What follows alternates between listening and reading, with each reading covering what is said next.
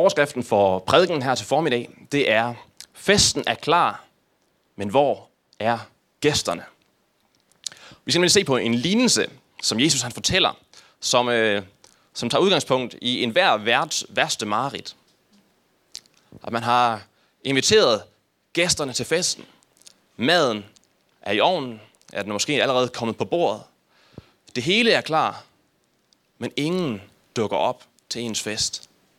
Alle som en afslår at, at, at ankomme. Og man står der helt alene med en fest, der er klar, men ingen gæster. Og teksten, vi skal se på, det er fra Lukas evangeliet, kapitel 14, vers 15-24. Den vil jeg lige starte med at læse. Der står sådan her. Efter at have hørt det, sagde en af gæsterne til ham, Salig er den, som sidder til bords i Guds rige. Og Jesus svarede, Der var en mand, som vil holde et stort festmåltid og indbyde mange. Da festen skulle begynde, sendte han sin tjener ud for at sige til de indbudte, Kom, nu er alt rede. Men de gav sig alle som en til at undskylde sig.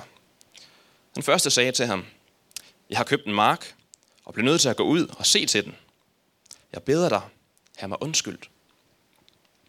En anden sagde, Jeg har købt fem par okser og skal ud og prøve dem. Jeg beder dig, have mig undskyldt. Og en tredje sagde, Jeg har lige giftet mig, og derfor kan jeg ikke komme. Tjeneren kom tilbage og fortalte sin herre dette. Og der blev husets herre vred og sagde til tjeneren, Gå straks ud på byens gader og stræder og hent de fattige, de vandfører, blinde og lamme herind. Og tjeneren meddelte, Herre, det er sket, som du befalede, men der er stadig plads. Så sagde herren til tjeneren, Gå ud på vejene og langs skærene, og nød dem til at komme, så mit hus kan blive fyldt. For jeg siger jer, ingen af de mænd, som var indbudt, skal smage mit måltid.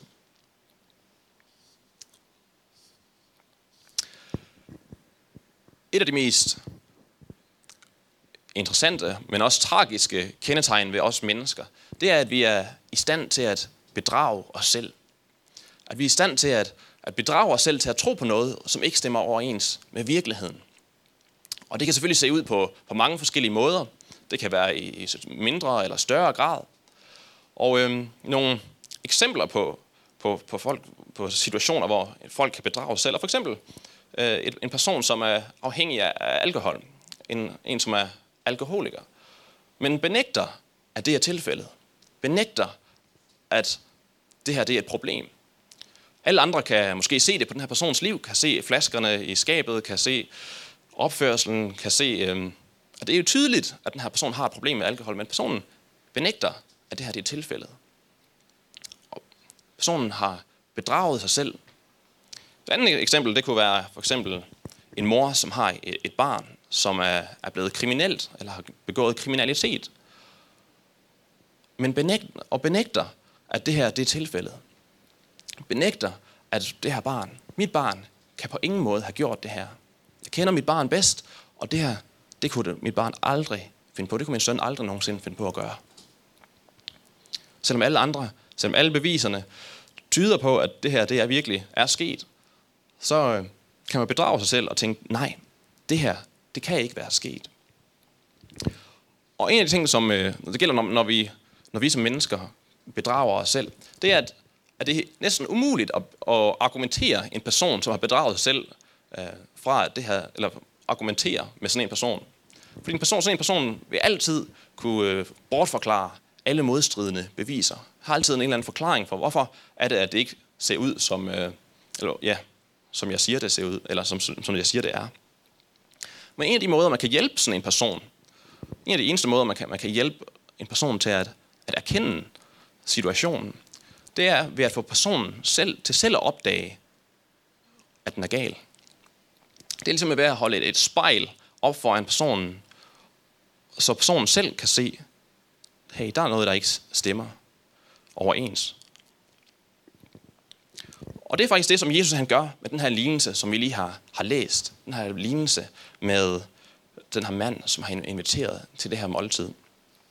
Så den her lignelse, det er ligesom et spejl, som Jesus han holder op for at hjælpe de mennesker, han taler til, for at hjælpe os med at se, hvis, om vi bedrager os selv. Og det her det er, det er faktisk en, en lignelse, som er yderst relevant for os i dag.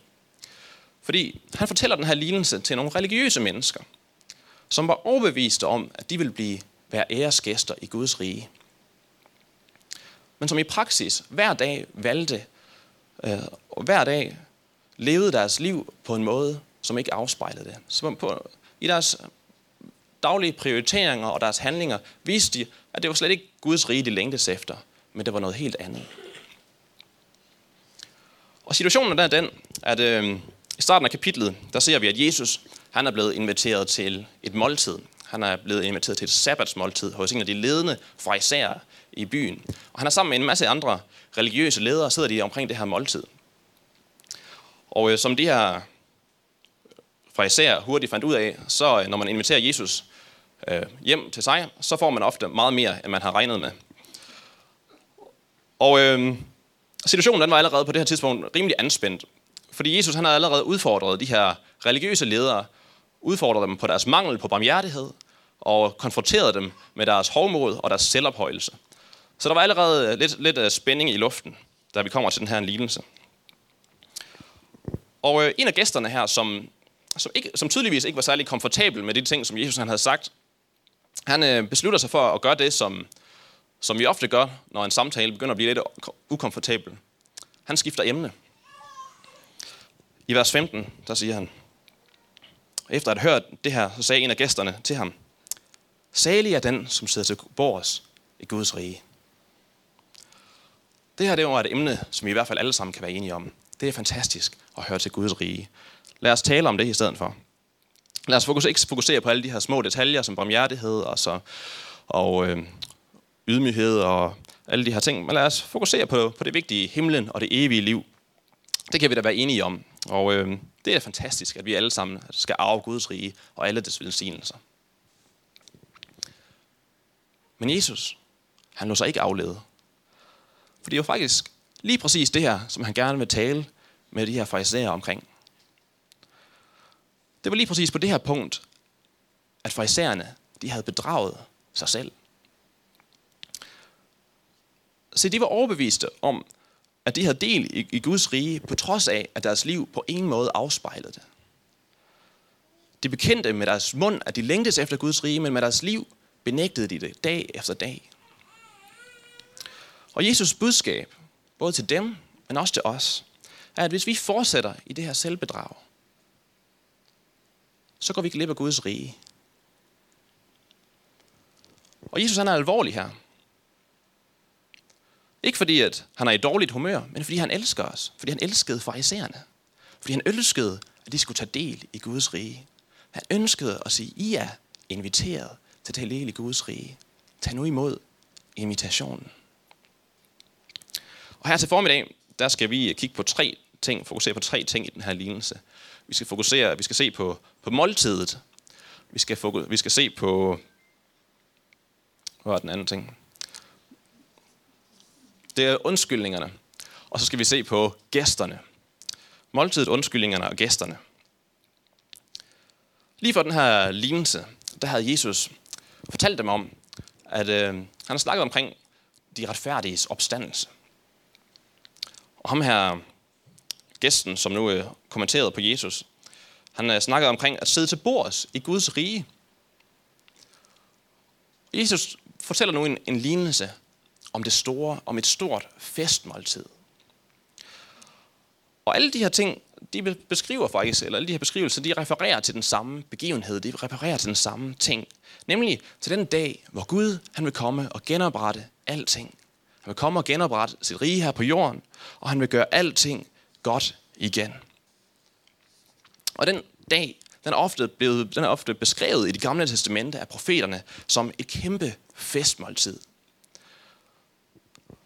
Et kæmpe, sammen, et kæmpe gilde, hvor der fejres, hvor der glædes, hvor der spises, hvor der drikkes. Og et festmåltid, det er meget mere end, end bare et, øh, et måltid mad. Det er meget mere end bare mad. Et festmåltid, det, er, det handler om, at alle vores dybeste længster bliver tilfredsstillet.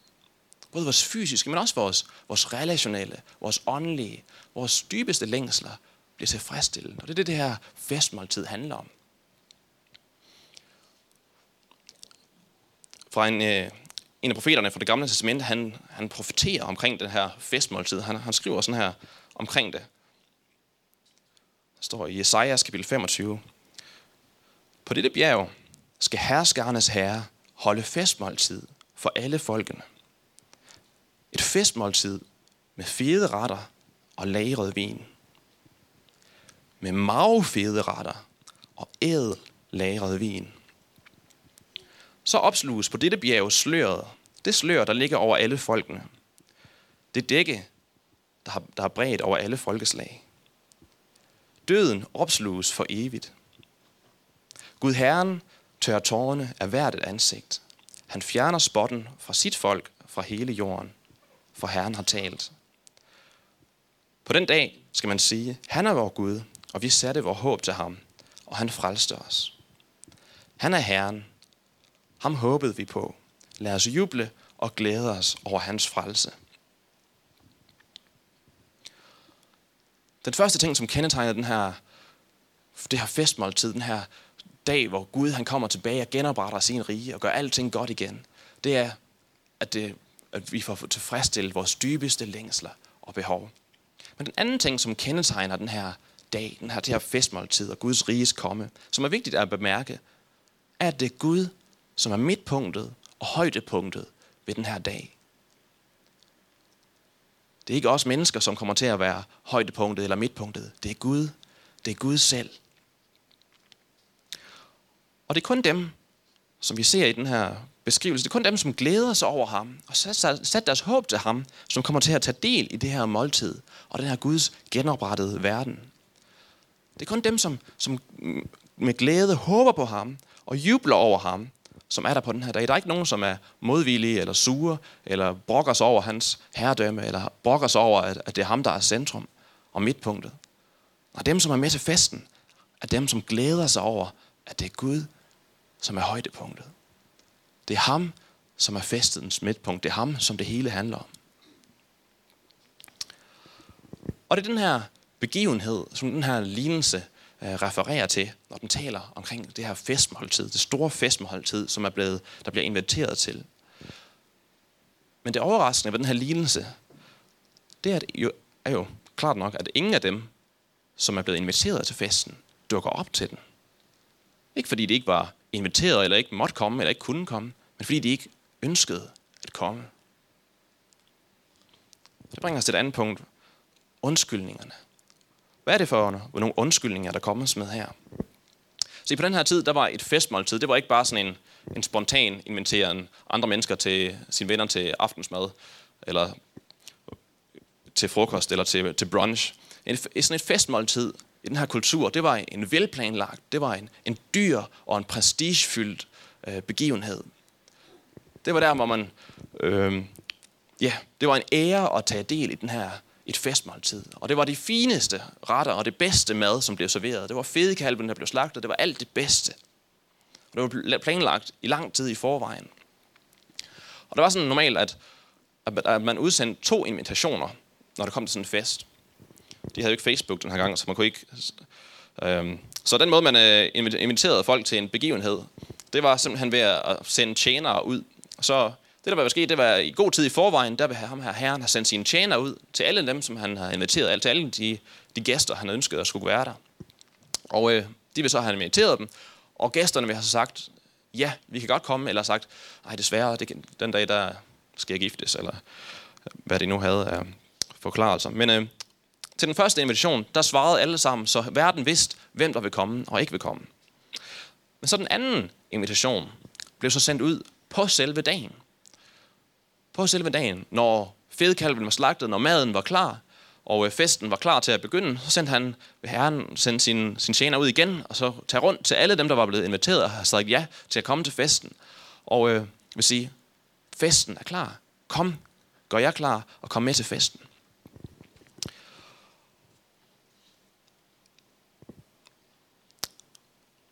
Og hvis man tog imod den her, den første invitation, og sagde, ja, jeg vil gerne komme til festen, men så, når dagen så kom, og man modtog den anden invitation, og så sagde nej, så var det en stor fornærmelse mod verden.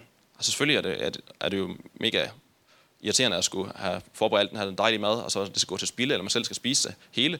Men også det her, det, det forklarer, eller ved, at, ved at benæ- frasige sig den her anden invitation, så siger man, nej, jeg hverken holder mit ord over for dig, og jeg er faktisk heller ikke interesseret i at være sammen med dig. Så det var både værnærende og fornærmende over for verden. Og Jesu pointe med den her lignelse, det er at, vi, at, at vise farisæerne, det her, det er hvad I gør lige nu. Det her, det er jer. Gud har inviteret både dem, altså farisæerne og det jødiske folk, lang tid før han har inviteret alle andre folkeslag. Gud han havde givet dem, han havde kaldt og, og frelst deres forfædre, Abraham og Isak og alle, og, og så videre. Han har kaldt dem øh, fra deres afgudstyrkelse og kaldt dem til sig selv. Og Gud han havde sendt profeterne, han havde sendt øh, loven, han havde sendt sit ord, han har sendt befrier og frelser og forkyndere og profeter øh, i lange baner til det her folk, for, for at de måtte tage imod invitationen til at tage del i Guds rige, til at tage del i det her store festmåltid på den sidste dag. Og hvis der var nogen, som var overbevist om, at de havde sagt ja til den her invitation, og som havde både med deres mund bekendt det, og med deres, øh, ja, særligt med deres mund bekendt, at, at de var i hvert fald en del af den her, øh, at de tog med til den her fest, så var det farisæerne. De var de religiøse og elite. Det var dem, som øh, troppet op og, og prøvet at, at overholde loven til punkt og prikke, og øh, vise udad til, at de her, de havde i hvert fald styr på det, når der kom til Gud og hans rige. De havde i hvert fald sagt ja til invitationen. De var i hvert fald interesseret i det, der handlede omkring Gud, og de var ikke interesseret i alt det jordiske og alt det menneskelige. De var, de var fuldt committed til Guds rige. Men da Jesus han kom og forkyndte, at Guds rige var nær, og kaldte dem til at, at omvende sig og, og tro på ham, så nægtede de. Så kom de med deres undskyldninger, både deres teologiske forklaringer og deres religiøse undskyldninger på, hvorfor at de ikke vil tage med til festen. Hvorfor de ikke vil tage imod Jesus som deres konge. Hvorfor de ikke vil sætte deres håb til ham. Hvorfor de ikke vil med til Gud, være en del af Guds rige. Og hvad er det, der ligger, hvad, hvad, hvad kunne ligge til grund? Hvad ligger til grund for de her undskyldninger? Og det, som ligger til grund, som Jesus han prøver at pointere for dem, det, der ligger grund til deres, for deres undskyldninger, det var, at de længtes efter andre ting, mere end de længtes efter Gud. De elskede andre ting mere, end de elskede Gud. For især de elskede, de længtes mere efter anerkendelse fra mennesker, end de længtes efter anerkendelse fra Gud. De var mere interesserede i at blive rige på, på penge, end de var interesserede i at være rige på gode gerninger. De var mere interesserede i at selv at få, få ære, end at Gud måtte få ære. De elskede andre ting mere end de elskede Gud. Og det her det er ikke kun farisæernes problem. Det her det er alle menneskers problem. At vi elsker andre ting mere end vi elsker Gud. Vi er skabt til at, at elske Gud og have ham som på førstepladsen i vores liv, og have ham som vores centrum og midtpunkt i vores liv. Men ofte er det andre ting, som tager den plads. Ofte er det andre ting, som, som fylder vores, vores hjerter, som begejstrer os, og som, som vi længes mere efter end han, end, end ham. Og det er egentlig det, som ligger til grund for synd. Nogle gange, når, når vi tænker på, på synd, så tænker vi på, alle, på de ting, som er dårlige i sig selv. Vi, tænker på, vi fokuserer på, om det er løgn, eller om det er utroskab, og, det, og, og så videre. Men til grund for, for synd, der, der ligger der hvad skal man sige, en, en definition på synd, er, at synd er enhver følelse, tanke, udtalelse eller handling, der kommer fra et hjerte, som ikke værdsætter Gud over alle andre ting. Det er det, som ligger til grund for alt synd. det er, at vi, har, vi elsker andre ting, eller vi elsker os selv, mere end vi elsker Gud. Prøv at lægge mærke til også i den her lignelse. De ting, som, som de her inviterede gæster, de undskylder sig med, det er jo ikke dårlige ting. Det er alle sammen gode ting. Det er, det er ejendom. Det er, det er deres job. Det er deres ægtefælle. Alle sammen gode ting, gode gaver for Gud. Men problemet er, at når gode ting går hen og bliver ultimative ting i vores liv, der er det blevet en afgud.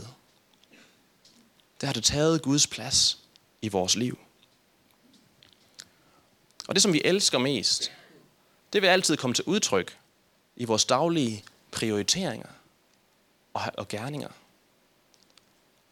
Og det var det, Jesus han så i farisæernes liv. Det var derfor, han, han pointerede deres mangel på barmhjertighed over for mennesker. Han pointerede deres hårdmod og deres selvophøjelse og sagde, det her, det bevidner, at der er andre ting, som I længes mere efter end Gud og hans rige. Med jeres mund bekender I og siger igen og igen, at vi, vi søger Guds rige, og vi, vi er hans tjenere. Men med jeres liv bevidner I, at der er andre ting, I længes mere efter end ham.